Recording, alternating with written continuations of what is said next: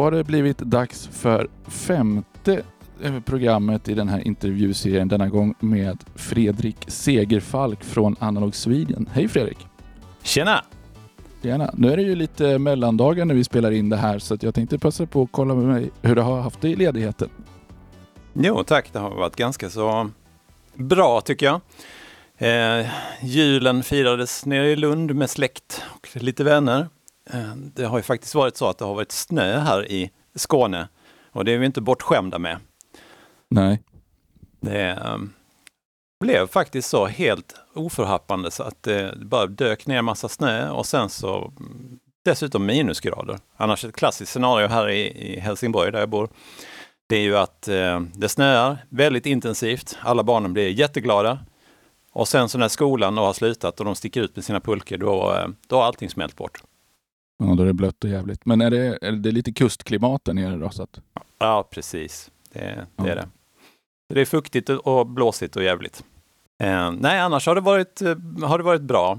Eh, vi eh, träffade familjen som sagt och eh, åt lite gott och sådär och snackade skit med de som man inte har träffat så himla mycket de senaste två åren nu. Så är det ju för alla. Precis, man catchar upp efter pandemin här lite grann. Mm, precis. Har du fått några ljudklappar då? Ehm, ja, det kan man väl säga att jag fick. Eh, jag fick, eh, en, inte av min närmsta familj, men jag fick, fick vara med på en ny tolva som ska komma ut. Så det är lite roligt. Ja, berätta.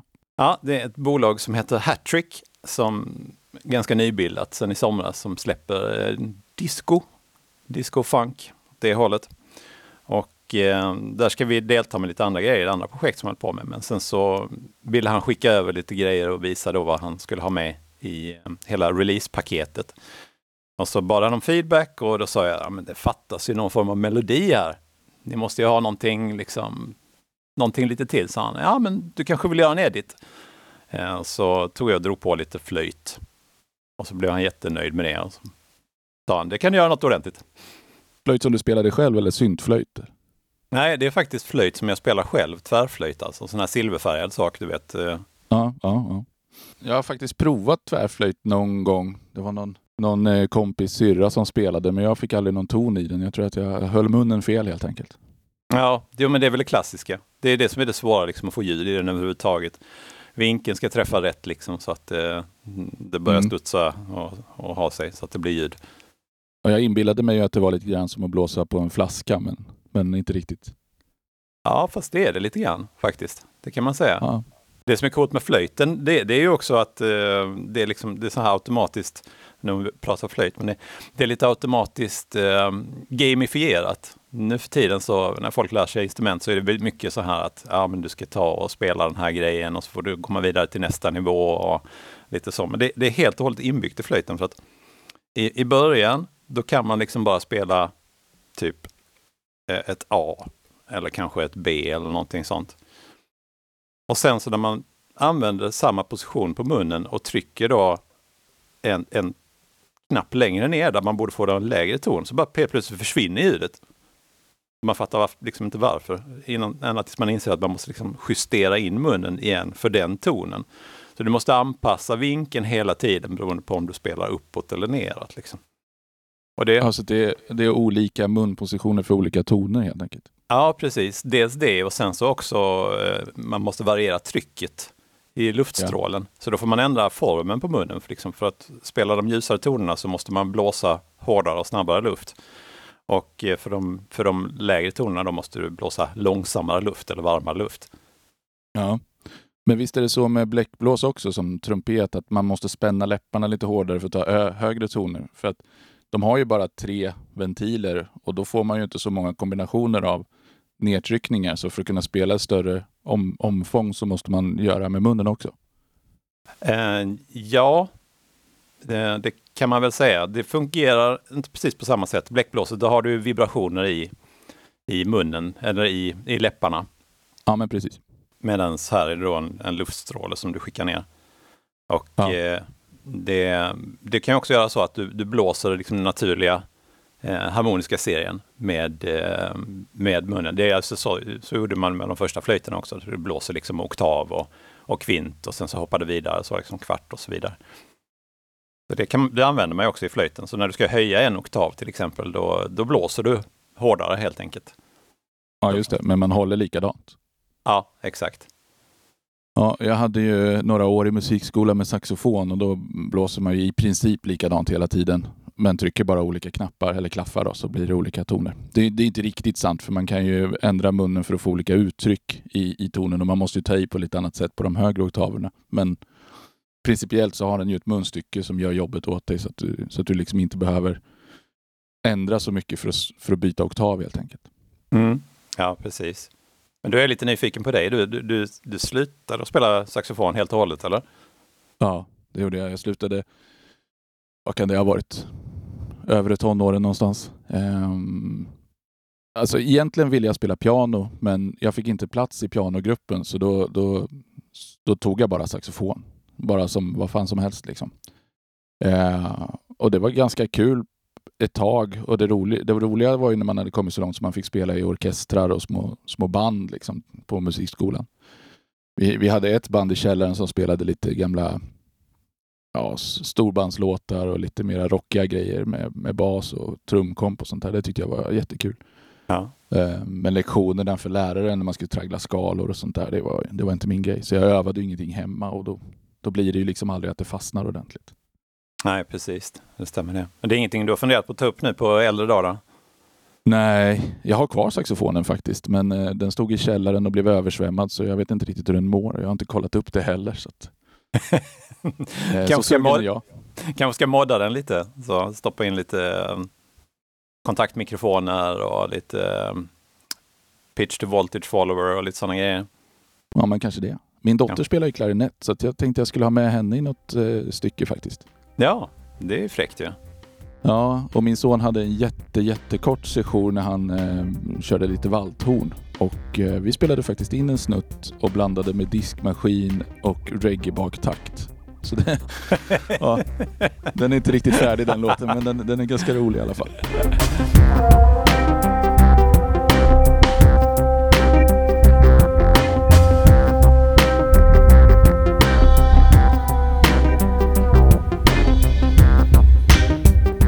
Ja, men det, det låter ju precis så kul som man ska ha med musik tycker jag. Det... Ja. ja, men precis. Ja, för att hoppa tillbaka till det här med, med tvärflöjten då. Det var ju det var lite kul för att det, det, det är första gången jag blivit erbjuden att spela flöjt på ett skivsläpp. Så det, tidigare har det bara varit keyboards och syntar. Liksom. Så att, eh, det, det, det känner jag som, det var lite så milstolpe i karriären. Ja. Men du är ju lite, alltså du har ju många strängar på din lyra. Alltså, du är ju lite multiinstrumentalist, du är speldesigner, grafiker, musiker, elektronikreparatör. Vad, hur definierar du dig själv egentligen i hela den där soppan? Ja, det är, ju, det är väl precis så. Som en himla soppa. Det, det beror på lite liksom vad jag har, vilket humör jag är på faktiskt. Men oftast är det ju att jag säger att jag, eh, jag arbetar med synthesizers, att jag bygger synthesizers och jag reparerar synthesizers. Ehm, men att jag då har jobbat ganska mycket med grafisk design eftersom jag är grafisk designer i botten. Det är där jag har gått min utbildning eh, och hållit på med illustration ganska mycket. Och sen så då pluggat marknadsföring och sen så har det blivit det också. Det ena ledde till det andra, till det femte. Ehm. Mm. Men inom musiken har du ingen formell utbildning annat än lite musikskola och sådär då? Ja, det kan man väl gå igenom den eh, lilla historien. Det, då på, på 80-talet när jag gick i skolan, i grundskolan, så skulle ju alla börja spela blockflöjt från början. Jag vet inte om det var så för dig också? Jo. Och det, jag vet inte om det var någon som liksom uppskattade det. Jag tror faktiskt det var någon form av test liksom, för att se om det var någon som var motiverad att gå vidare eh, och, och faktiskt vilja spela något annat instrument. Så där, ja, klarar du av det här, då har du tillräckligt mycket karaktär för att få spela ett riktigt instrument. ja. Men eh, jag tvärvägrar ju. Alltså jag var ju så totalt ointresserad av blockflöjt. Jag tänkte att det här, det, det låter ju helt fruktansvärt. Och det gör det ju faktiskt sett och helt opartiskt sett. Eh, man ja. måste ju spela ganska länge för att det ska låta ens i närheten av trevligt. Ja, jag såg någon, någon eh, vad det då? Det var någon konsert med flöjtister som var riktigt, riktigt duktiga som spelade olika varianter av blockflöjt. Det finns väl lite större med lite mera basiga toner och sånt där. Och det, ja, det. det lät fantastiskt bra. Ja, just det. Men det är ju typ enda gången jag har hört det låta bra också. Ja, jo precis. Nej, men det stämmer. Det stämmer ju. Eh, sen kan man ju använda det till andra roliga grejer som till exempel eh, musiken till Squid Game. Ja, Där är är, ju, där är ju någon form av, det låter som blockflöjt tycker jag. Det är väldigt sådär lite skevt och eh, passar väldigt bra till eh, konstiga känslan. Ja, jag såg första avsnittet av den och sen pallade inte jag med mer. Jag tyckte det var helt fruktansvärt dåligt. ja, men det, det är det som gör det så bra. ja, kanske det. Sen vart jag väldigt fascinerad av det koreanska språket också, för det verkar som att vissa meningar de slutar på ett gäng vokaler helt enkelt.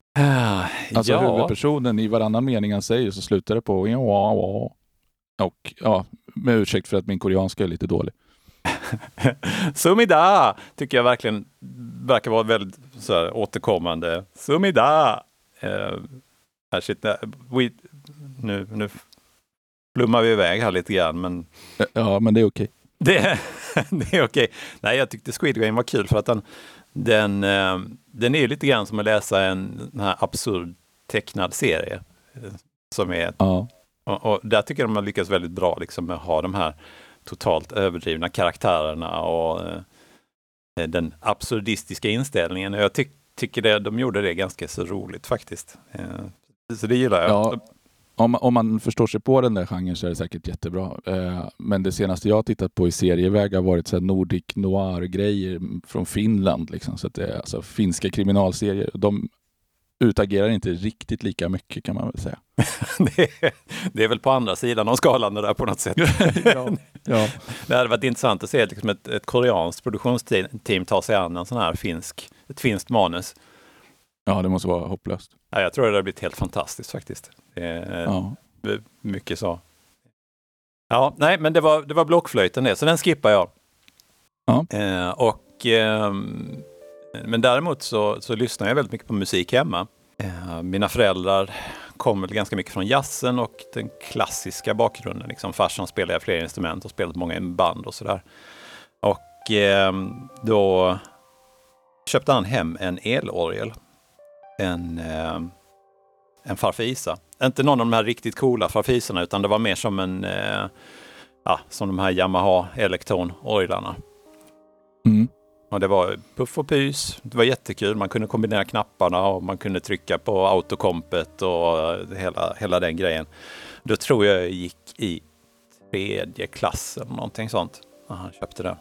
Så han satte sig och spelade. Han spelade ju massa sådana här gamla Jimmy Smith, eh, orgeljazz och sådana prylar. Ja. Och eh, eh, ja, det, jag tyckte det bara var kul så jag testade olika grejer. Eh, och försökte kopiera lite det han spelade och sådär. Och sen frågade föräldrarna att ja, men, vill du inte ta några lektioner? Då blev jag vägskickad till Folkuniversitetet och spelade där ett tag. Och jag lärde mig lite grunderna i noter och så.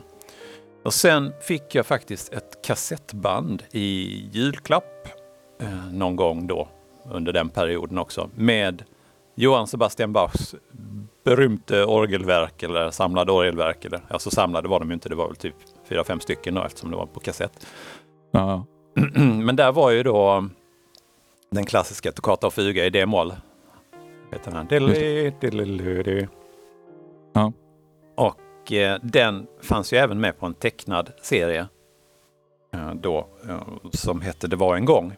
Fransk produktion. Den har jag nog missat faktiskt. Ja, den fanns liksom i eh, dels i rymden eh, och sen så var det en period som gick liksom från stenåldersmannen och framåt i, i människans leverne. Och eh, där hade de då Toccata fuga i D-moll med i den här öppningssekvensen. Jag, jag liksom fastnade för den tyckte att det var jättehäftigt det där. Ja. Och då in, insåg jag ju när jag, när jag fick den här kassetten att oj, det här var ju liksom ett, ett riktigt stycke. Det här, ska jag nog, det här vill jag lära mig spela. Jag, jag tjatade på föräldrarna att de skulle skaffa noterna till mig, för då hade jag ju lärt mig noterna i grunderna hos Folkuniversitetet där och tänkte att nej, men jag kan säkert lära mig den också. Så jag fick noterna eh, och eh, sen så började jag traggla på farfisan där hemma och eh, tränade in hela, hela toccatan då. Och sen började jag även på fugan. Så tyckte väl föräldrarna att han har kanske någon form av liten talang där så att eh, de frågade om jag skulle börja spela för någon eh, riktig lärare då. Mm. Så att, ja, men det, det låter väl spännande. Så det gjorde jag. Kom till en eh, någon polsk pianist eller någonting sånt där. Och jag, det var nog det hemskaste jag gjort i hela mitt liv. Jag var helt livrädd för den här pianisten. Jaså? ja. Och jag hade ju liksom bara spelat på orgel innan så jag hade ju rätt så klena fingrar. De är väldigt lätta att trycka ner tangenterna och sätta sig och spela piano. Det gick ju liksom inte. Det där Nej. underutvecklad 11-åring eller vad jag var då liksom i händerna. Ja, ja, visst. Och sen, sen ehm, alltså kraven han ställde kanske var rätt höga och du trodde att du skulle kunna leva upp till dem och sen så får du den där kallduschen. Ja, precis. Nej, det kändes bara jättehemskt tyckte jag. Men eh, föräldrarna de var lite så här, ja men du kanske skulle gå till, eh, till kyrkan istället och testa orgel då eftersom det är det det är. Bara, ja, okej. Okay. Så blev det så till slut att jag, eh, jag började spela för en organist här i Helsingborg och eh, gjorde det sen under sju års tid. Att, ja. eh, jag fick ju liksom min, min klassiska bakgrund där kan man säga. Liksom. Och då spelade du alla möjliga olika stycken på, ja. på orgel då? Helt enkelt. Ja, precis. Jo, men det var ju främ först och främst en klassisk eh, repertoar. Det var det. Ja. Men eh, ja, det, det, det var skithäftigt. Bara tillgång till en kyrka liksom och kunna gå in i, i kyrkan när jag ville. Jag hade ju egen nyckel dit. Ja. Så, och det är ja, hygglig akustik kan jag tänka mig. Ja, jo, det var fantastiskt. Mm. Skithäftig orgel också. Så här, B-manual historia med 60 register ungefär. Ja. Det var liksom som meditation att bara kunna åka in sent på kvällen, gå in, tända upp de delar i kyrkan som jag ville tända, eller om jag bara vill sitta mörkt i kyrkan och, och sen sätta sig och spela. Ja. Det, det, är något väldigt speciellt. Jag kan tillägga då att jag är inte, jag är inte troende. Eh, inte på, på någon gud eller något sånt här i, i den traditionella bemärkelsen i alla fall. Utan um, det, det, men det man känner i kyrkan är ju något, ett väldigt stort lugn och avslappning och så. Det, det kan man tänka att det kommer många andra människor till godo också, bara den känslan av att vara i en kyrka. Liksom. Ja, visst. Det, nej, det, det är faktiskt fantastiskt. Och det, det har jag tagit upp nu lite grann på senare år, för det har gått ganska många år då som jag inte spelade orgel, utan jag tog upp det igen vid 2016, 2017, någonting sånt. Tänkte jag att det skulle vara kul att spela. Alltså lyckades jag faktiskt eh, få tillgång till en annan kyrka här i Helsingborg. Så att jag sticker dit och spelar lite då och då. Det blev faktiskt en konsert för några år sedan också.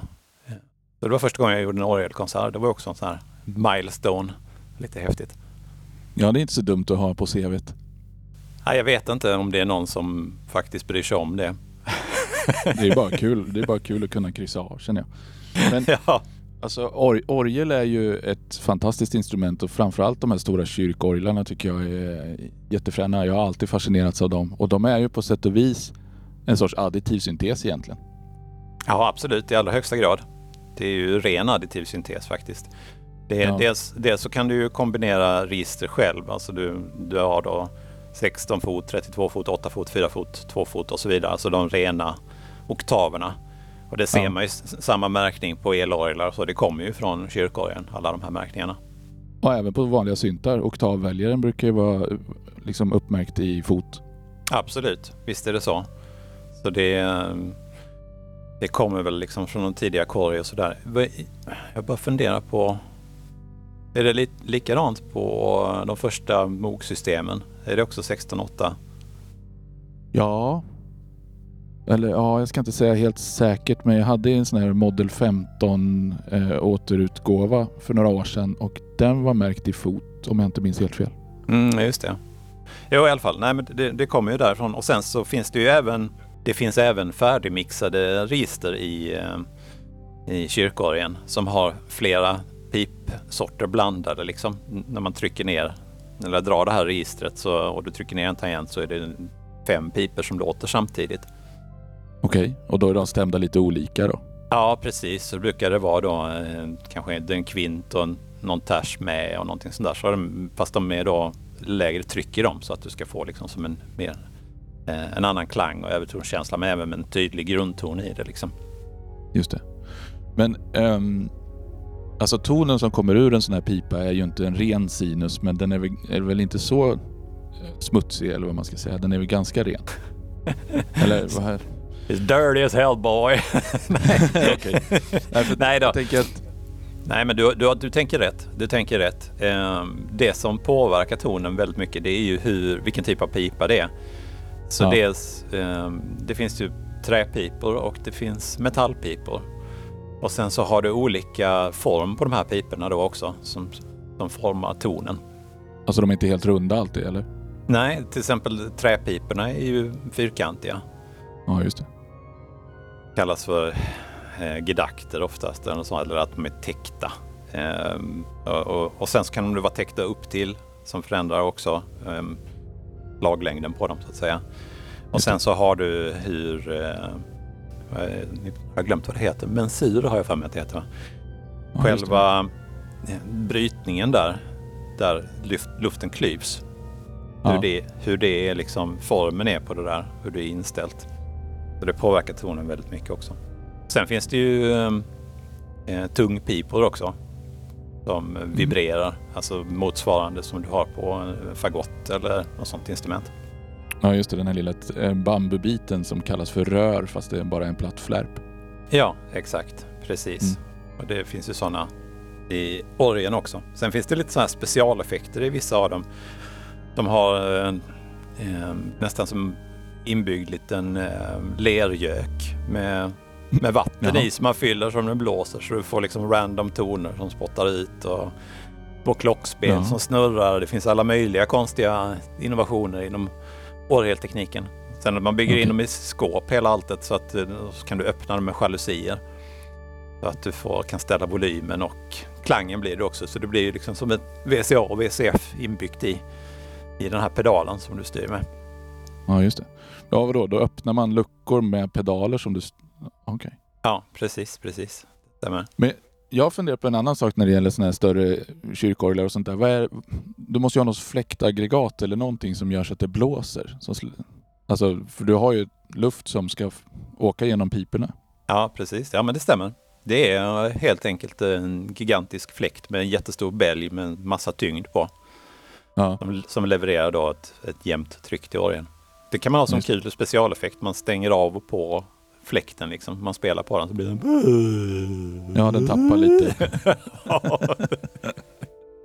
Men, men de här bälgarna, alltså för orglar är ju mycket äldre än, än eh, elläran höll jag på att säga. De, det fanns väl kyrkorglar innan dess. Så då måste de ju ha folk som stod och pumpade med de där bälg- bälgarna. Eller hur, hur gjorde man då? Ja, precis. Ja, men det var ju ett jobb. Eh, då på... Bälgpumpare. Ja, orgeltrampare var faktiskt ett jobb. Mm. Det var nog inte särskilt välbetalt, men eh, du fick ett rejält pass och du fick dig eh, några daler eller vad det nu var för valuta man fick.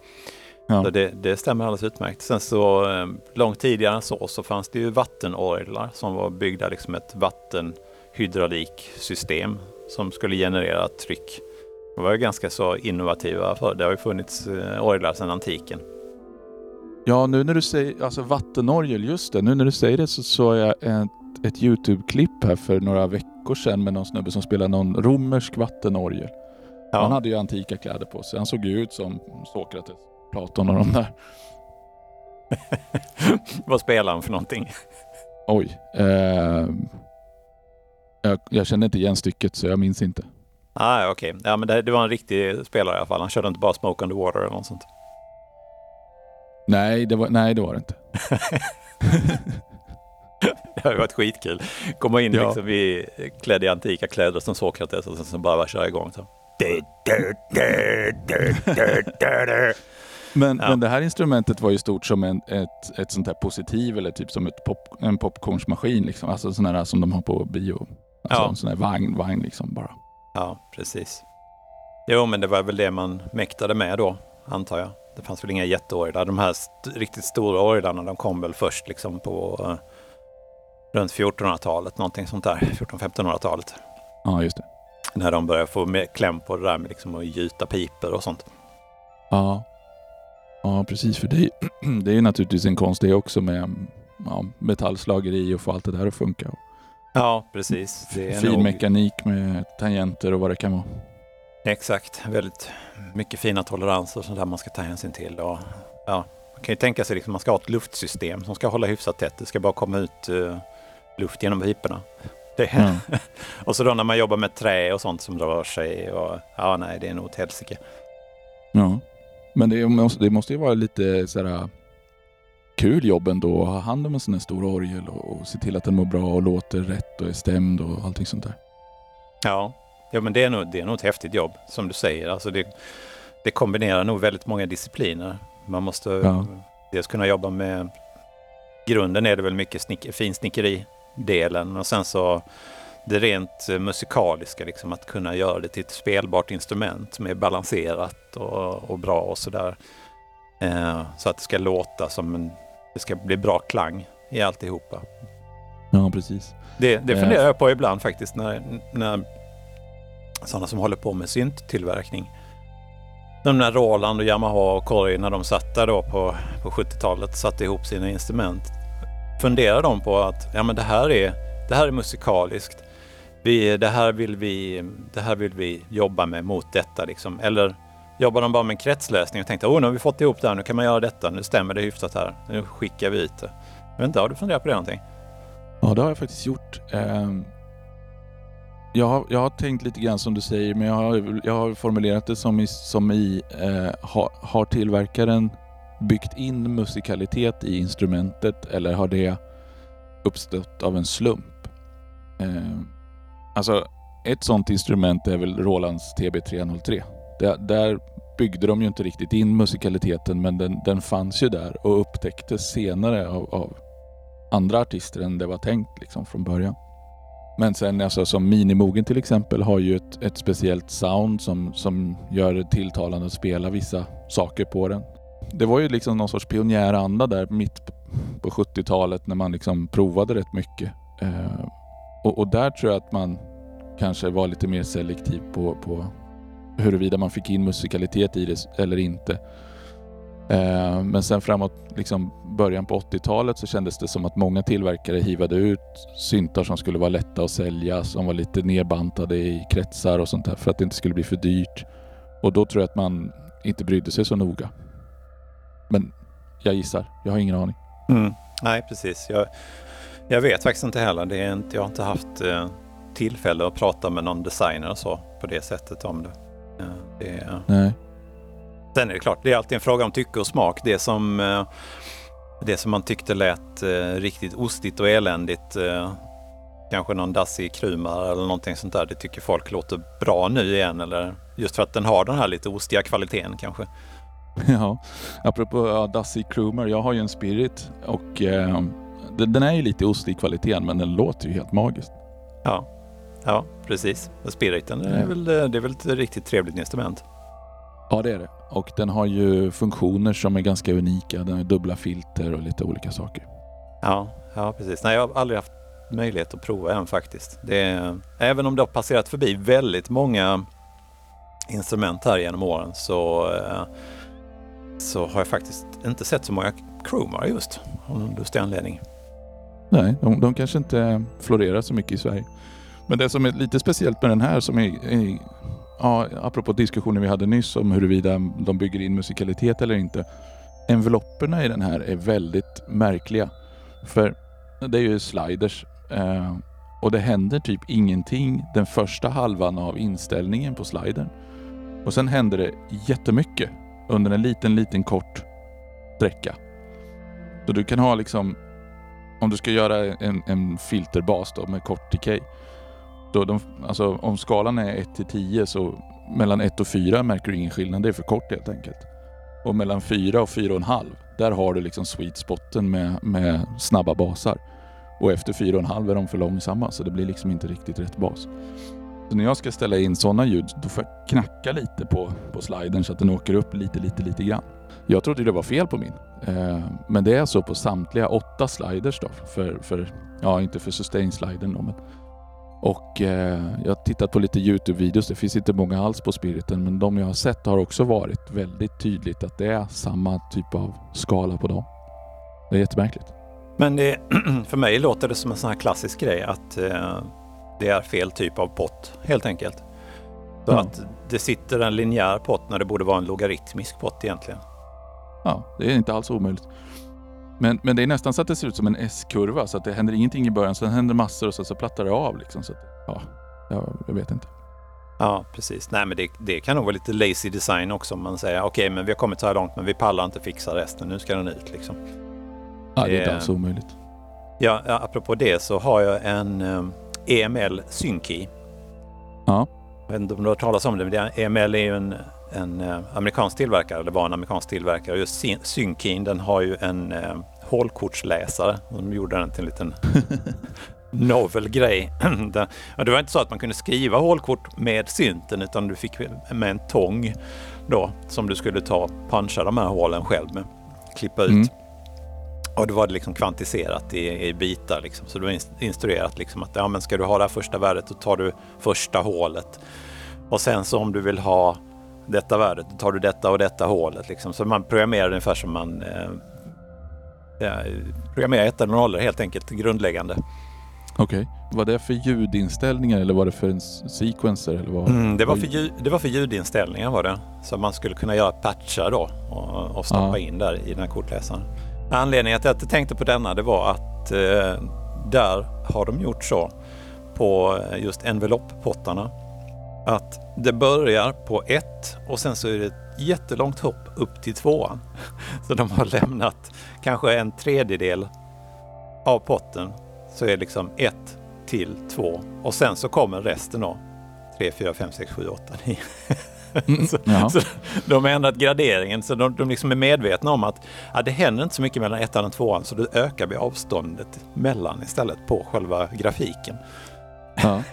Men så, så är det ju på tidiga MOG-system också. Alltså att eh, skalan ändrar sig ut med ratten så att säga. Fast kanske lite mer linjärt än just sådär då. Okej, okay, där, där avslöjade mig. Jag har aldrig ägt ett, eh, ett äldre MOG-system. nej, men eh, nej, för de har ju snabbare tider i början och så blir det långsammare och långsammare. Ja, okej. Okay. Alltså sitter, är skalan icke-linjär också grafiskt sett? Så att det sitter ja. inte... Det är det, mm, precis. Ja, och nu, nu... Ja, jag får väl skit för det här om jag har fel nu då, men jag, jag har väldigt starkt för mig att Alltså, säg från, om, om det är en putt då, så går den från liksom klockan sju till klockan tolv. Det är typ 0 till en sekund och sen från klockan 12 till klockan 5 på eftermiddagen så är det från en sekund till 10 sekunder. Ja. På, på ett envelope då till exempel. Okej, okay. ja men det låter helt rimligt tycker jag. Ja, och det där tycker jag är en väldigt viktig sak för enveloperna är ofta förbisedd komponent i syntar. Man pratar om hur oscillatorerna låter, att det distar i någon mixer, att de har snygga filter och så vidare. Men enveloperna gör jättemycket av karaktären hos en synt. Mm, och, absolut. Och, om de är feldesignade, då, då finns det vissa ljud som inte går att göra. Och viss, ja, visserligen så klagade man väl på digitala envelopper i början av 80-talet när de hade trötta processorer som inte riktigt orkar med. Men nu för tiden när folk designar analoga envelopper så verkar de slarva en del också. För de här riktigt snabba tiderna, de finns bara en liten, liten snutt i början på ratten och sen har du helt plötsligt för långa tider. Så de, det är väldigt svårt att ställa in vettiga ljud på vissa envelopper. Ja, det, jo precis. Men det som du säger att det, det, det känns ju också relaterat lite grann till väldigt mycket vad det blev för karaktär på instrumentet, vad det passar till för. Jag vet, nu kanske du tänker på Eurorack och sådana grejer som jag inte alls är inne på. Um, uh, Nej, inte specifikt, men ja. För annars så Annars är det de här klassiska grejerna, liksom att man tänker på Pro One till exempel, som, som har väldigt snärtig envelopp, liksom, eller minimogen. De kan göra mm. de här riktigt eh, smaskiga smackarna liksom, och riktigt, riktigt rappa basar och sånt där.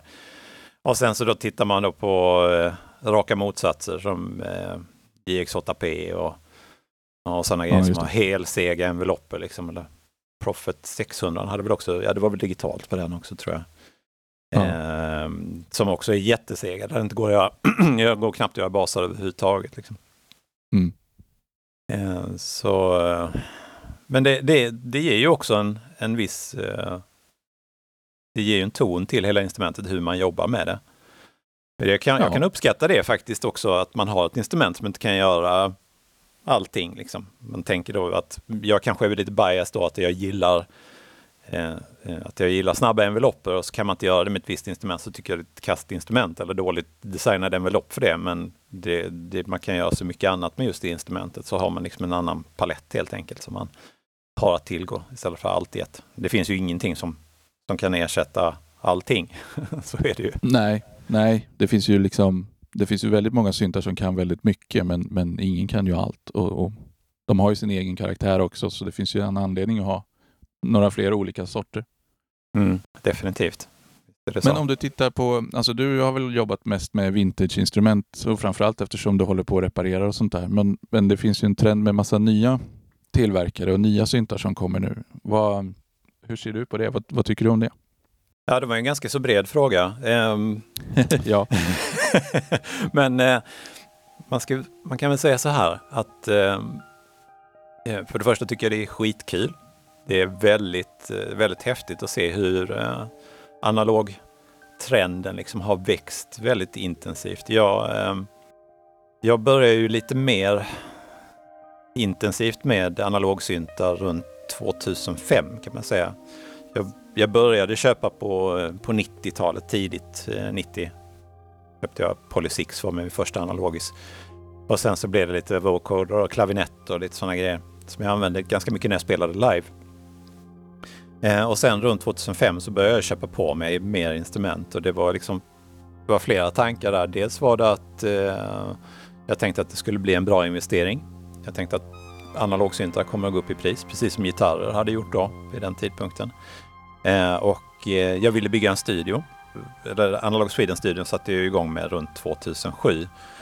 Och eh, då märkte man ju lite grann att det började bubbla lite grann. Det fanns visst intresse eh, runt om dem och känslan var ju då liksom att ja, men det här kommer nog faktiskt komma tillbaka för att folk var kanske lite trötta på, på den digitala trenden och VA-trenden och så.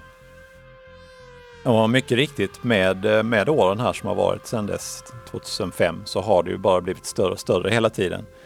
Och det har ju dels att de, de gamla stora tillverkarna har liksom satsat ännu mer på, på analogt. Eh, och eh, även att det har kommit väldigt många nya tillverkare. Eh, och, och det är ju häftigt. Även då klassiska eh, eller även, det var det jag skulle säga, just det, Beringer. Beringer skulle jag beröra här. Just det. och det har ju varit en het potatis eh, hos många och eh, även hos mig själv. Jag har tyckt att det varit lite sådär att, ja, men vad fan, de, nu snor de gamla designer här och så ska de tjäna mycket pengar på det. Och det har varit mycket snack om deras eh, arbetsförhållanden för, eh, för de som tillverkar sakerna och det har varit det, det ena med det andra. Jag, jag har varit lite till och från i den här frågan. Jag måste säga att jag tycker det faktiskt är jäkligt häftigt ändå att de har tagit upp och återproducerat så många grejer så att väldigt många har fått möjlighet att prova på de gamla grejerna och det har liksom bara skapat mer intresse för de gamla prylarna också. Och man har ju märkt tydligt. Marknaden har ju varit väldigt intresserad av gamla vintage-prylar nu och det har ju bara fullkomligt exploderat här den senaste tiden. Jag tror alltså ju fler ju fler nya tillverkare kommer, desto mer intresse blir det även för historien bakom det hela. Liksom, och man vill lära sig mer om, om grunderna. Och samtidigt också kul att man, att man utvecklar eh, eh, nya instrument. Eh, det hoppas jag kommer ännu mer från just Beringers sida också. De har ju satsat väldigt mycket nu på liksom, att eh, ta fram de här gamla klassikerna, OBX och PPG och PPG Wave heter den ja. Och eh, ja, vilka är det mer? Hjälp mig här, vilka är det mer som de har på gång? De har Fatnin, alltså VCS 3 ska de ju släppa också. Ja, och sen släppte de ju den där vokodern VP 330 va? Ja, just det, precis. Ja, den och testade sen... jag. Den, var, den, den lät faktiskt riktigt bra. Det, det måste jag säga. Eh, ja. Så, så det, jag tycker de har gjort mycket för, eh, för analog eh, analogmarknaden och möjligheten att få folk att prova på de gamla klassikerna. Och sådär. Ja. Alltså, när det kommer till tillverkningsmetoder och sådana där saker så, så ja, får man väl tycka lite grann vad man vill, men de flesta saker man köper är ju tillverkade under lite tveksamma förhållanden. Det gäller ju telefoner och bilar och vad det kan vara. Ja, absolut. Visst är det så. så. Varför man skulle vara mer känslig när det gäller just syntar vet jag inte riktigt. Nej, det, precis. Det, det är väl lätt så när det blir första grejen man uppmärksammar eller tänker på inom ett område och det är en andra negativa associationer så försöker man hitta på annat negativt om det företaget också. Sen kan jag tycka liksom att Ulli Beringer i sig, han, eh, han verkar ju ha eh, Alltså han verkar ju ha lite storhetsvansinne. Men det är inte, verkar å andra sidan inte vara ovanligt när man skapar stora företag. Nej, jag tänkte ju säga, du hamnar nog inte på den nivån om du inte har lite av det där. Nej, precis. Men jag tänkte på, de är ju ganska hyllade för sina unika produkter också. Neutron som de släppte, den här monosynten med patchbarhet och DeepMind heter den väl också? Ja, just det, den första. DeepMind var det väl. Mm. Ja, de, de har väl varit ganska väl mottagna va? Ja, eh, de har ju det och eh, jag måste just kommentera det här med Neutron för att eh, jag tog emot en sån nu häromdagen bara från Joakim i Covenant. Mm. För att jag ville testa den helt enkelt. Jag har bara kollat in, jag snubblade över något, något klipp liksom på Youtube, tyckte att det här lät ju riktigt trevligt. Så att jag ska låna hans nu. Det låter ganska argt va? Det som jag hörde där tyckte jag inte var superargt så liksom. Så det känns som att man kanske har möjlighet att ratta den på ganska många sätt. Nu ligger den mm. i en påse här, jag har inte hunnit plocka upp och prova den än. Men, men det ska bli riktigt kul faktiskt att se vad den kan eh, leverera. Jag är lite nyfiken på den också. Men har du haft möjlighet att testa deras kloner mot originalen? Alltså Pro One-klonen till exempel eller Minimum-klonen? Jag har inte provat dem alls förutom eh, den, den här WC 340 som är idag. VP330-klonen helt enkelt. Och eh, den, den lät jättebra. Eh, lät väldigt likt min VP330. Den lät lite stabilare, lite mer nybyggd helt enkelt. Mm, snävare toleranser kanske? Ja, exakt. Den lät väl som säkert som Roland hade tänkt sig att det skulle låta från början kan jag tänka mig. ja. Men när du började med, med att köpa syntar, då, din Polysix där på, på 90-talet sa du va? Mm. Vad, vad var det som gjorde att du flyttade över från, från orgel just till syntar och kände att det var eh, grejen för dig att spela på? Mm. Jag började hålla på med Commodore 64 då i början, eh, eller mitten på 80-talet var det. Och där fanns ju en, eh, finns ju en liten synt där i som heter SID, Sound mm. Interface Device, ett litet chip som har eh, tre oscillatorer och ett filter, ringmodulator, eh, synkmöjligheter och eh, lite fasta envelopptider så som är hårdkodade i. Och, ehm, det, det låter ju riktigt häftigt det, lilla, det där lilla chippet. Jag började ganska tidigt med att göra låtar där. Eh, och det, det är ju ett, det är verkligen ett grundläggande synttänk i hur SID-chippet fungerar. Så det var väl där jag kom i kontakt med med synthesizers riktigt sådär så jag förstod vad som hände. Eh, parallellt så testade jag också DX syntarna då under den tiden. Jag gick faktiskt också en kurs på Folkuniversitetet i DX, programmering. ja, ja. och, och, jag ska väl erkänna att det, det var väl kanske inte något som sjönk in sådär jättemycket. Eh, ganska så struligt att ja. programmera FM. FM. Ja, FM är lite knepigt, det får man säga. Eller det är framförallt det är svårt att visualisera det tycker jag. Ja. Eh, tänka sig att nu vill jag ha den här typen av ljud, hur ska jag göra? Eh, jag har faktiskt återupptagit det nu, ja, senaste året har jag testat lite grann och göra lite mer med, med FM. Och det, de har ju ändå gjort det ganska så användarvänligt får man ju säga, liksom, Yamaha. Ja. Eh, men det är ju inte, det blir en väldigt typisk karaktär på ljuden liksom, som är lite svår att komma bort ifrån. Det har sin plats det också.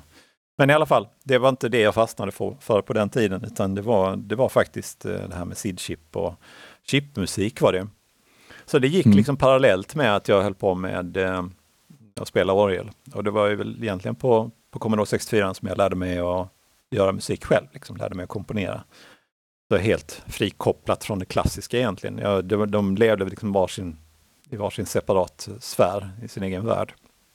Det var först ganska långt senare egentligen som jag lyckades lyckats få ihop bägge grejerna i huvudet och integrera det liksom rent musikaliskt.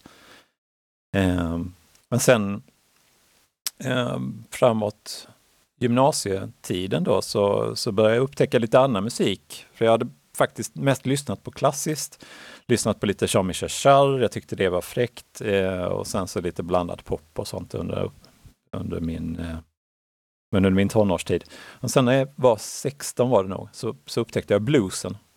Tyckte att det var liksom en helt annan häftig grej, det här med improvisationen som var i bluesen. Mm. Eh, så jag började traggla lite blues och sen så stack jag ut och spelade på lokala jazzklubben på jam sessions. Och, så var.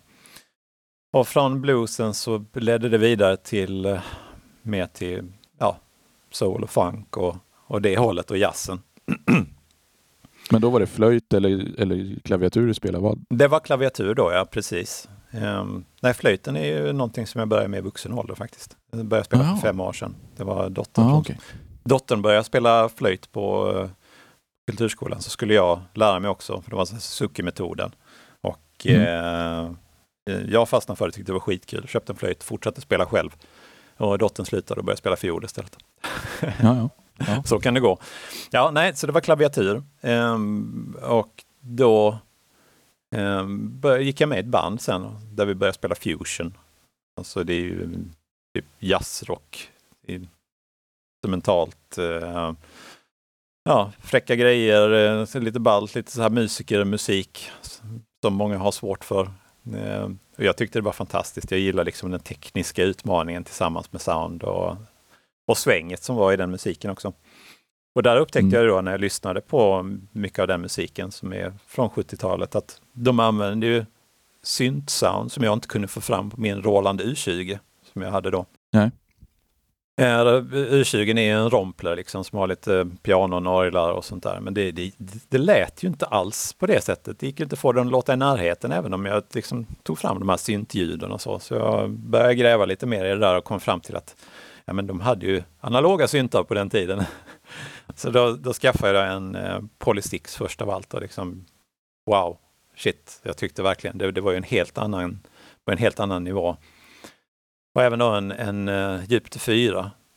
Och det, det som slog mig då när jag hade den här Jupiter 4 och spelade med den i replokalen, det var ju liksom att helt plötsligt hördes den. Den gick igenom i förstärkare och allting sånt där när Roland U20 liksom bara försvann. Den drunknade i frekvensen och så. Ja. Det kändes som, som ett riktigt instrument på ett helt annat sätt.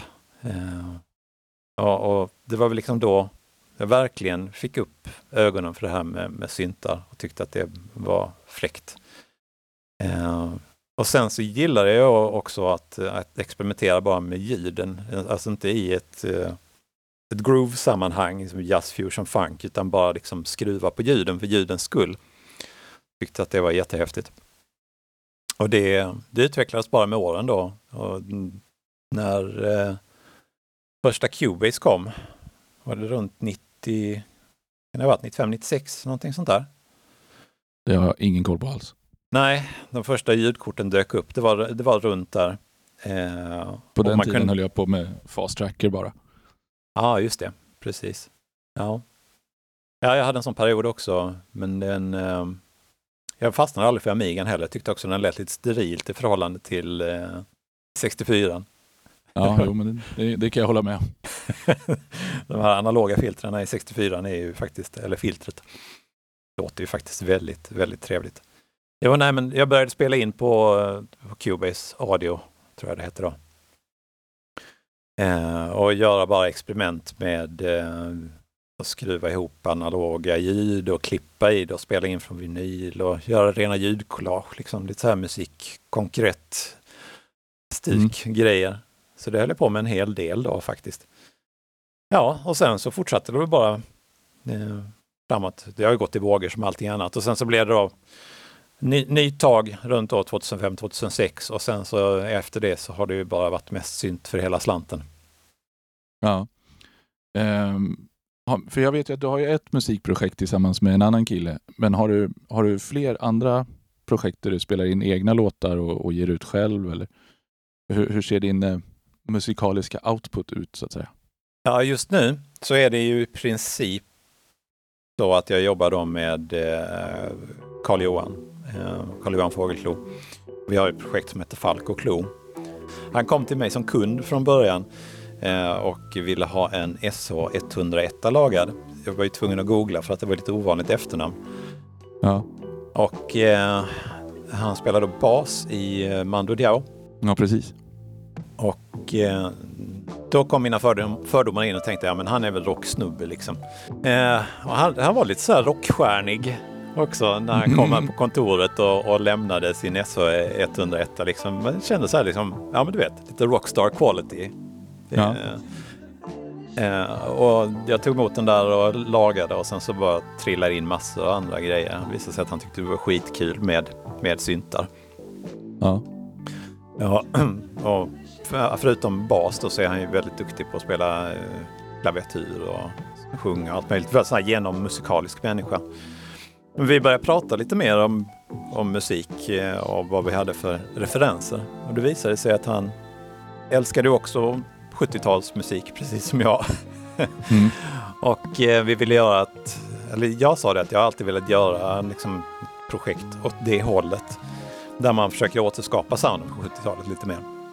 Han, ja men shit vad kul, det ska vi inte testa? Så gjorde vi det i början på 2020 och eh, då gick det väldigt bra. Vi bara träffades i studion hos honom och så spelade vi in en låt. Och eh, kände vi att nej men det här, det här funkar ju skitbra. Så vi började träffas regelbundet då och spela in. Och sen så kom ju coronan och eh, alla deras spelningar ställdes in. ja precis. Och det var ju bra för oss för att då hade vi massor av tid att spela in. Så det blev en platta som släpptes nu i, i juni i år. Eh, eller i år då, alltså 2021.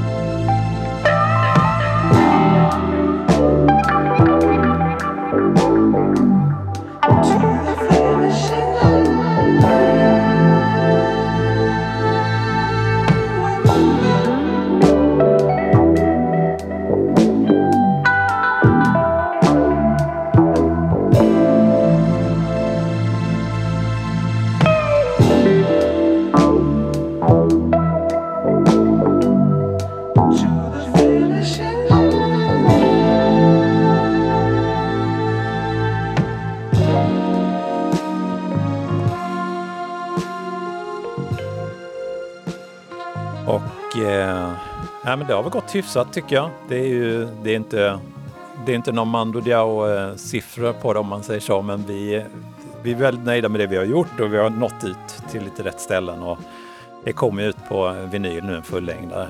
Sen så det här bolaget som jag nämnde tidigare som heter Hattrick som, eh, som jag skulle göra en liten flöjt-edit till, de ska då släppa en 7-tumssingel med Falk och eh, Klo. Med två låtar där. Och sen så kommer de även att släppa med ett annat projekt som, som Carl Johan och jag har som heter Starcatcher. Och det är ehm, återigen lite 70-tal disco, rymddisco-hållet eller kosmisk dis- disco eller vad man ska kalla det. Ja. Det var den perioden när eh, den perioden när allting var, eh, var influerat av Star Wars och science fiction-perioden där. Det är rätt kul med den här eran för att det, det var ju verkligen en grej då, där i slutet på 70-talet med rymddisco. Till och med var några svenskar som hängde på eh, och, eh, och producerade. Och, det finns liksom lite, lite svensk rymddisco. Eh, Från 70-talet. Ja, precis. Det, det känns ju inte så sannolikt. Men det, det märks ju så fort det börjar bli kreativt. Så, eller vad säger jag, kreativt? Inte kreativt. Så fort det börjar bli kommersiellt, Mm. Eh, då hakar ju alla på liksom. Och nu 45 år senare så insåg vi att det där är ju rätt kommersiellt så det är väl lika bra att hänga på den trenden också.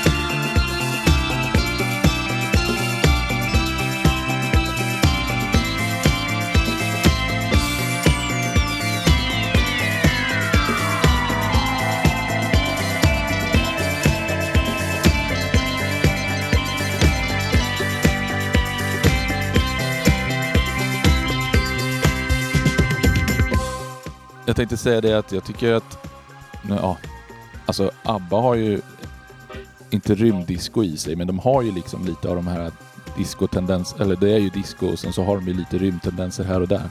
Benny var ju lite syntgubbe och hade med lite sådana saker här och där.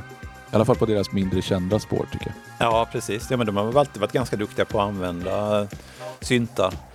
Mm. Det, och det ser man ju också på vad de har använt. Liksom.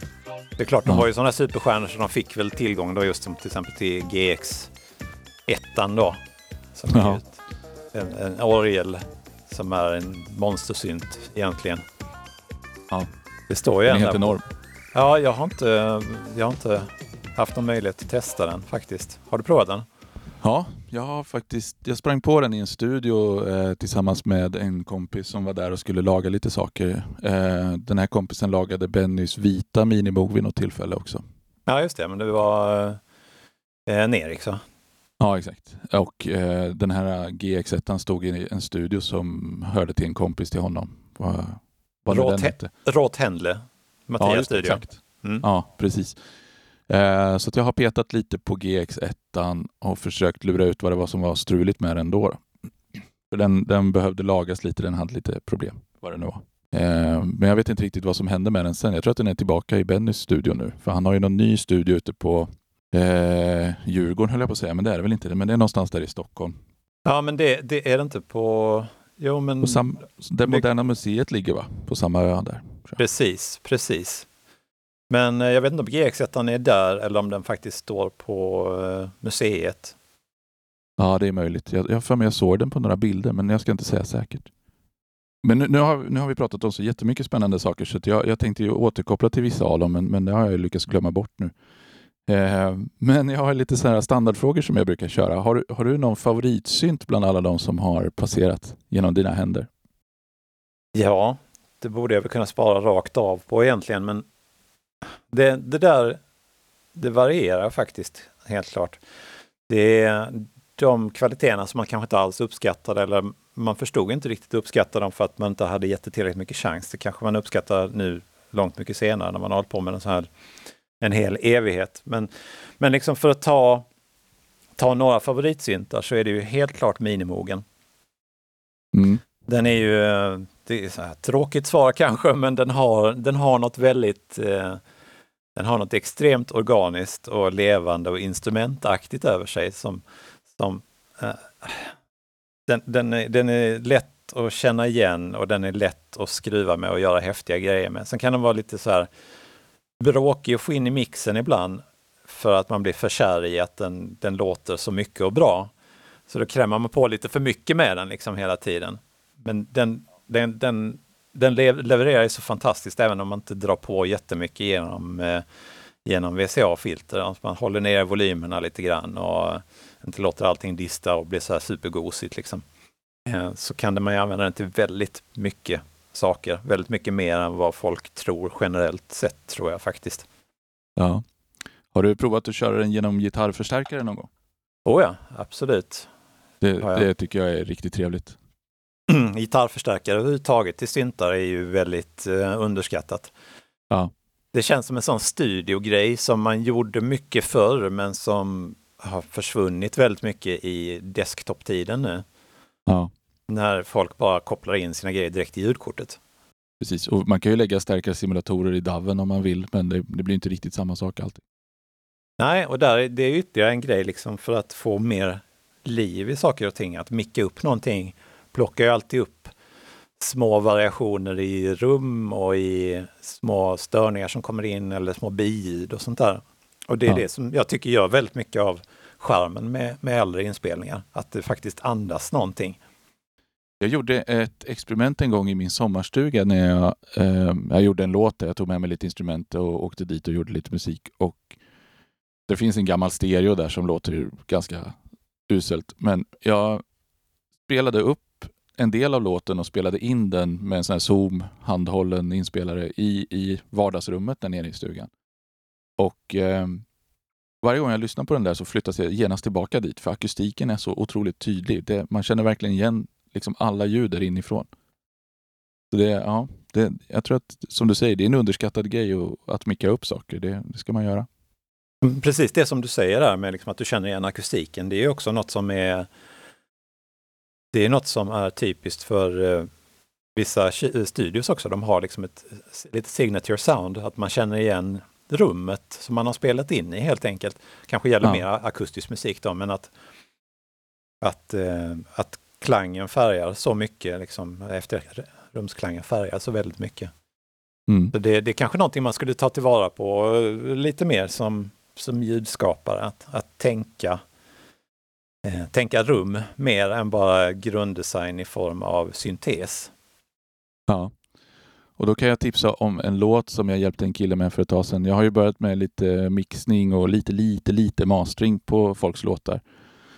Och då finns det en kille som heter Erik som eh, vars artistnamn är 20 Hertz som gjorde en låt till Lamours eh, julkalender i år som heter Resonant Rooms där en artist som jag har glömt bort vad han heter, Alvin någonting som gick bort för ett litet tag sedan.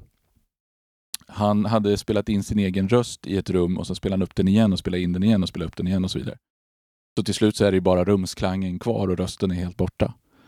Um, och det hade Erik klippt in i sin låt då till väldigt, alltså det var väldigt effektfullt och, och bra. Så det där är ju, det är skitkul. Ja, det är skithäftigt. Ja, det var kul. Det där klippet såg jag också ganska nyligen. Eh, Det är fantastiskt vad det finns många häftiga exempel på ljudexperiment som gjordes liksom på 50, 60, 70-talet. Ja, som, som kanske har gått förlorade för många men som faktiskt finns möjlighet att uppleva nu genom Youtube och, och om man gräver lite grann. ja visst. Eh, och där, där finns ju väldigt mycket att hämta inspiration ifrån. Liksom.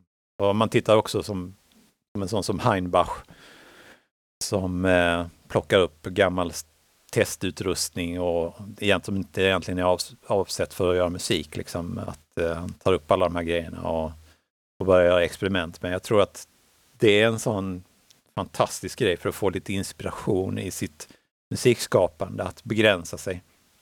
Kanske Ja. också en, klysch, en klyscha, men att verkligen våga göra det fullt ut.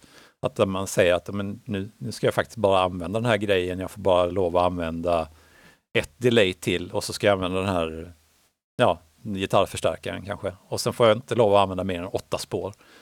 Då Nej. händer det grejer verkligen. Jag kan Ja. garantera att alla som har problem med sin kreativitet, de ska, de ska definitivt avgränsa det hårt. Ja, men det är klassiskt. Jag har ju gjort ett antal, alltså när jag får en ny synt så brukar jag göra en låt med bara den synten. Och sen om jag använder en, en gammal låt med samma midi liksom, så det spelar ingen roll. Jag får ändå lära mig själva synten. Och det är ett otroligt kreativt steg. Men um, det kändes lite grann som att med ditt projekt då med, med i, i uh, Klo och Falk, Falk och Klo, så har ni ju bestämt er för en genre som ni håller er inom. Så det blir ju som en sorts kreativ begränsning. Ja, precis. Och vi, eh, vi sa ju det också att vi ska hålla oss till, eh, till gamla instrument, ingen midi och sådär, utan vi faktiskt spelar. Är det någonting som ska vara sequensat så då använder vi en analog sequencer i så fall. Sen så har vi, sen har vi fuskat ibland när det har varit för besvärligt att göra om allting eller någonting sånt. Eh, Ja, Eh, men Det är, på något sätt är det, det är viktigt med begränsningar, men det kan också vara viktigt att tillåta sig själv att fuska ibland om, om, det, om man inte har Ja. absurda mängder tid till allting. Precis. Nej, och sen så, det finns ju ingen egen nytta i att dra det in absurdum heller Nej. hela tiden. Nej, definitivt inte. Nej, men vad vi har försökt göra det är ju liksom att eh, lyssna på saker vi gillar, liksom inspireras av det och säga att men, vi vill att det ska försöka låta som det här. Och så har vi siktat på det. Och så ibland har vi nått, nått närmare och ibland har vi inte nått dit alls. Men det har blivit något eget sound av det på vägen eftersom allting färgar så mycket. Och då är det ju, i vårt fall är det ju även hur man spelar instrumentet, liksom vilket instrument man använder, hur man spelar, hur man fraserar och timing och ja, hela Ja. den.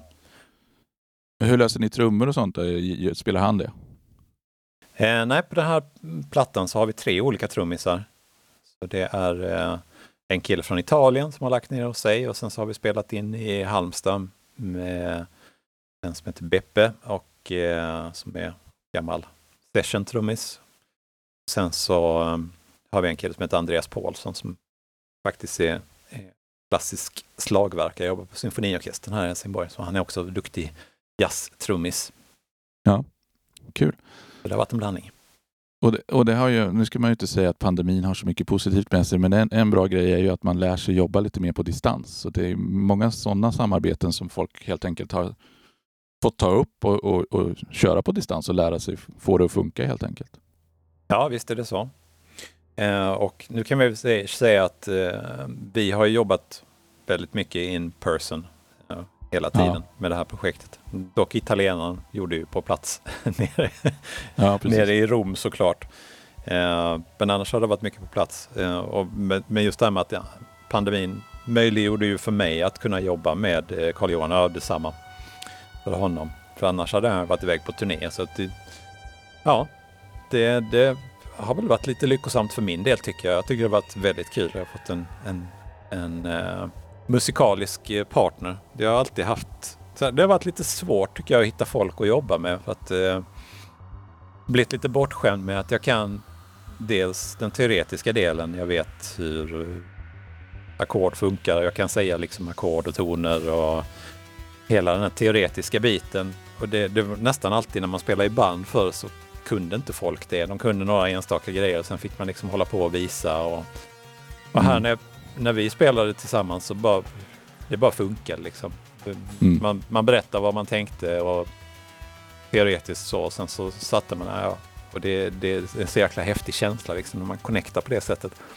Och även då musik, musikaliskt sett liksom att man känner att ja, men vi, vill, vi vill åt samma håll. Vi, eh, vi kompletterar varandra jättebra. Vi, vi tänker liknande saker och där den ena, den ena har missat någonting, där har den andra tänkt till. Liksom.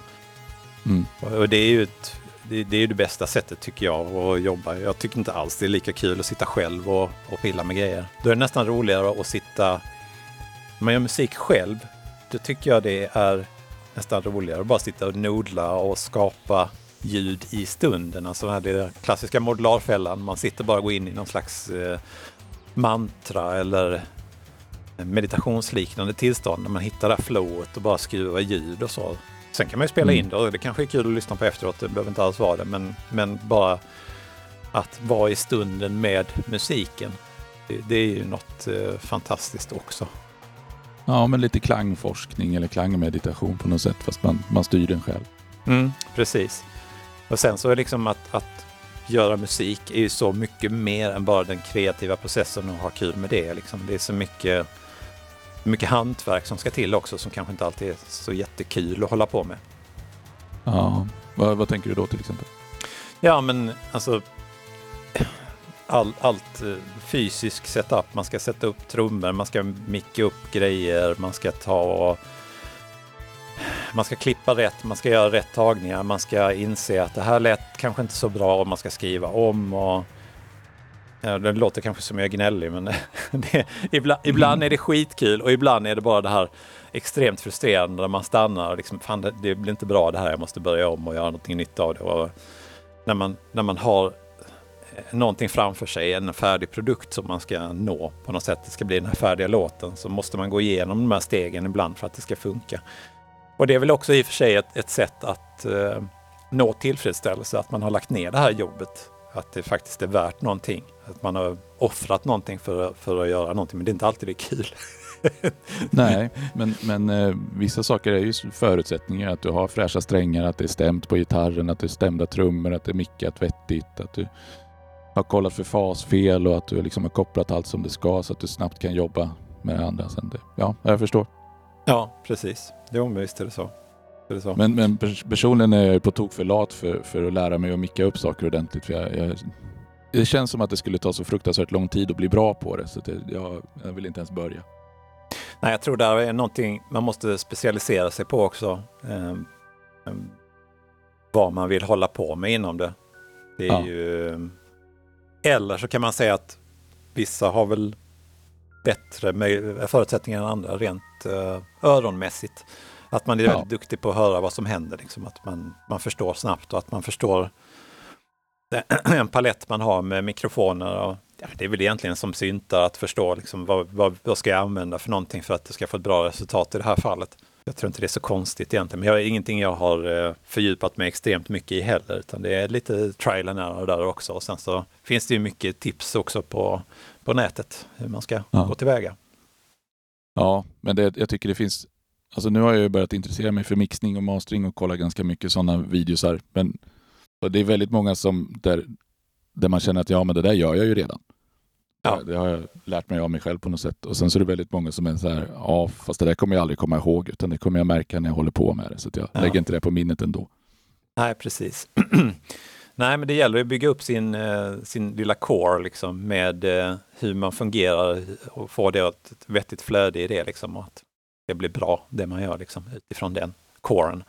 Eh, men en sak som jag har märkt på sistone är det här med att ehm, man blir bra på saker man gör mycket. Och utan att tänka på det så finns det ju vissa saker som man gör väldigt mycket. Som, som jag har till exempel spenderat väldigt mycket tid på att lyssna på musik i mitt lyssningsrum då, eller i min studio. Eh, vilket har gjort att jag väldigt fort hör vad som är fel och vad som är rätt i en mix. Um, och det där är ju ingenting som jag bara kan plocka upp och sätta mig någon annanstans och göra. För där vet jag ju inte exakt hur det ska låta. Eh, så att jag har kommit att uppskatta träning på saker och ting. Uh, även där man liksom kanske inte spontant tänker att man ska träna så mycket. Mm. Ehm, för alla fattar ju att man måste träna på ett instrument för att bli bra på det. Alla fattar att man måste träna på att lyfta tunga saker om man vill bli bra på det. Men alla tänker kanske inte att du måste träna på att lyssna om du vill bli duktig på att höra. Det är en väldigt bra poäng du har där. Mycket bra poäng faktiskt. Ehm, jag eh, blev väldigt trött på synthesizers under en period. Runt 2017 var det väl? Ja, precis. Då eh, slutade jag i princip att spela syntar överhuvudtaget. Jag var totalt ointresserad av, av de klangerna och så. Eh, det jag gjorde var att jag spelade piano och sen lyssnade jag mycket på musik också. Mm. Eh, och gjorde inte så mycket alls aktivt, förutom just lyssna väldigt mycket. Jag vet inte liksom om det var ett medvetet mindset då egentligen, men det blev jag- förstod efteråt att, att det hade nog blivit ett medvetet mindset att jag skulle lyssna.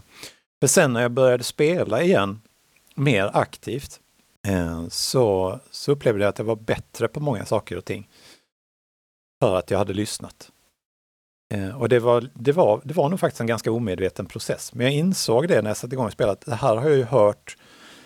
Det här kopplar på detta sättet i mig just nu och nu låter det på detta sättet på grund av att jag gör på detta sättet. Ungefär som att jag fick en uppenbarelse att jag hade lyssnat på det så mycket så att det ledde till att jag blev bättre på att spela.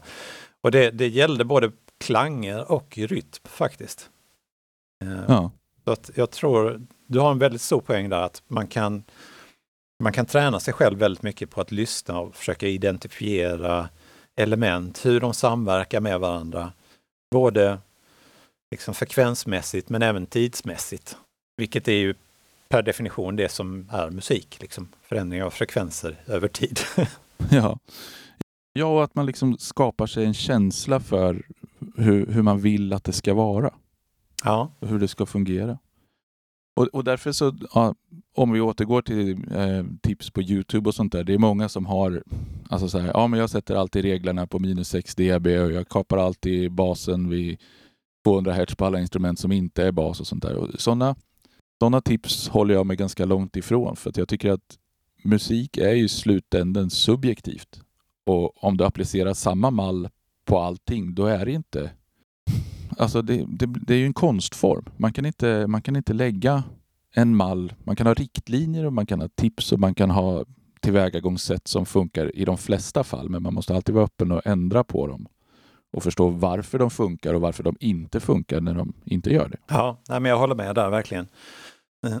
Sen är det ju det är väldigt mycket beroende på vilken musik man håller på med. Jag tror att många av de här eh, Youtube-kanalerna så de är inriktade på popmusik.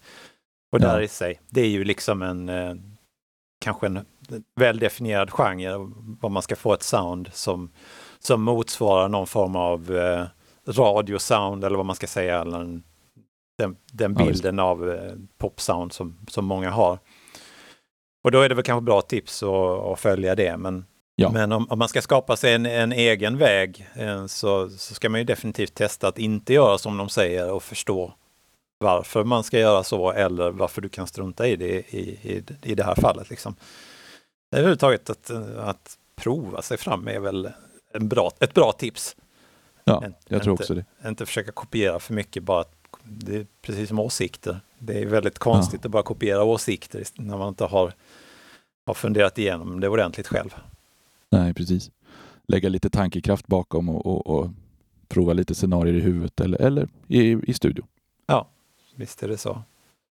Hör du, eh, nu har vi pratat en ganska god stund. Tiden går fort när man har roligt. Men jag har, jag har faktiskt en fråga kvar som jag är lite nyfiken på eftersom jag vet ju att du har petat på rätt mycket syntar, även om du inte har petat på en Krumer Spirit. Då. Men eh, har du någon vit val som du, som du längtar efter, som du skulle vilja äga någon gång? Nej, du, du, är, du är så luttrad så att du har varit igenom allt. Det finns ingenting kvar som kan imponera på dig. jag ville bara, ville bara se vad du sa. ja, faktum är att jag har ju hunnit plöja igenom väldigt många av de klassiska vita valarna om man säger så. Mm. Jag avslöjade ju tidigare där att jag har aldrig ägt något, eh, något vintage eh, Moog-system, alltså system 55 eller någonting sånt där. Nej. Ehm, så det kanske skulle vara det då att det hade varit kul att testa, men det, men det är inte det är egentligen inte för att jag skulle, skulle känna att liksom, oh, wow, vad, vad kan jag göra med det här? Det är väl mer att få uppleva den fysikaliteten i det. Att eh, Ja. liksom vara i samma rum som ett Moog System 55 och, och känna liksom känna hur man interage- interagerar med det instrumentet. Liksom.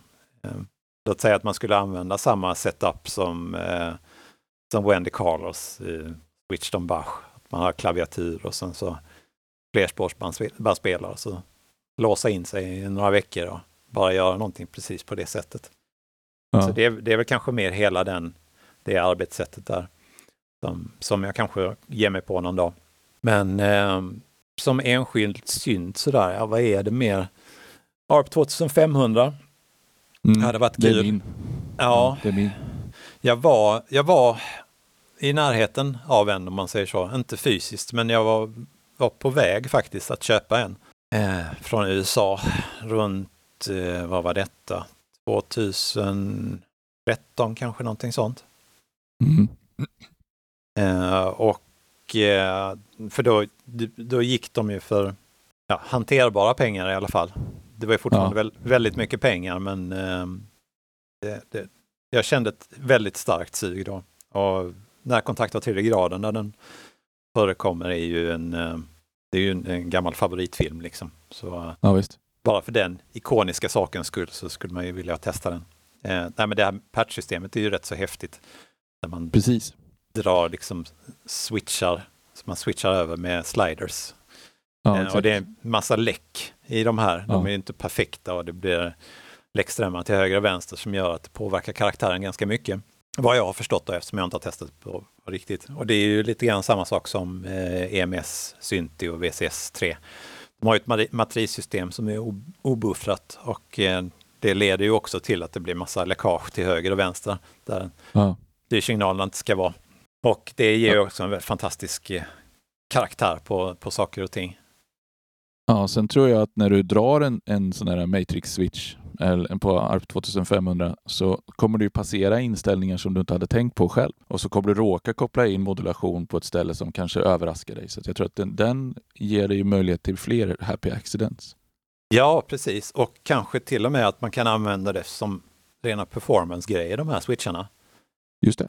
Att du faktiskt kan spela, spela med dem. För det, det var en sån grej som jag upptäckte med, med elorgel. När jag, kö- jag köpte en Electone igen, ja, det var rätt många år sedan nu, men när jag spelade med den så insåg jag att man kan ju faktiskt använda de här switcharna för att spela med, som ändrar karaktären och fottalet och, och så på ljuden. Och det är ju så man använder eh, CS80 också. Där finns ju rätt så mycket eh, kontroller på den som man faktiskt kan spela på liksom i, i realtid. Ja. Lite, lite sånt som man glömmer bort när man jobbar med eh, emulationer på som VST och sådär. Då tänker man bara, ah, men jag kan göra samma sound här, men det, CS80 är ju väldigt mycket en kontroller också, förutom Ja. ljud, ljudalstringen. Sen är det ju alltid en speciell känsla att sitta vid en här maskin och jag tycker alltid de är mycket större i verkligheten än, än de är på bild. Ja. ja, CS80 är faktiskt ganska massiv. Ja, den är enorm. Och den är ju ändå portabel. ja, nätt och jämnt. och väger den 100 kilo eller något sånt där? Ja, den väger 100 kilo jämt och jag har burit min några gånger. Eh, Just nu så står den på, på femte våningen där jag har eh, kontor och lite studio. Ja. Och eh, det var jag och min bror som vi bar upp den. Vi fick eh, sätta ner den rätt många gånger faktiskt. Jag kan tänka mig det. på Ja. vägen upp.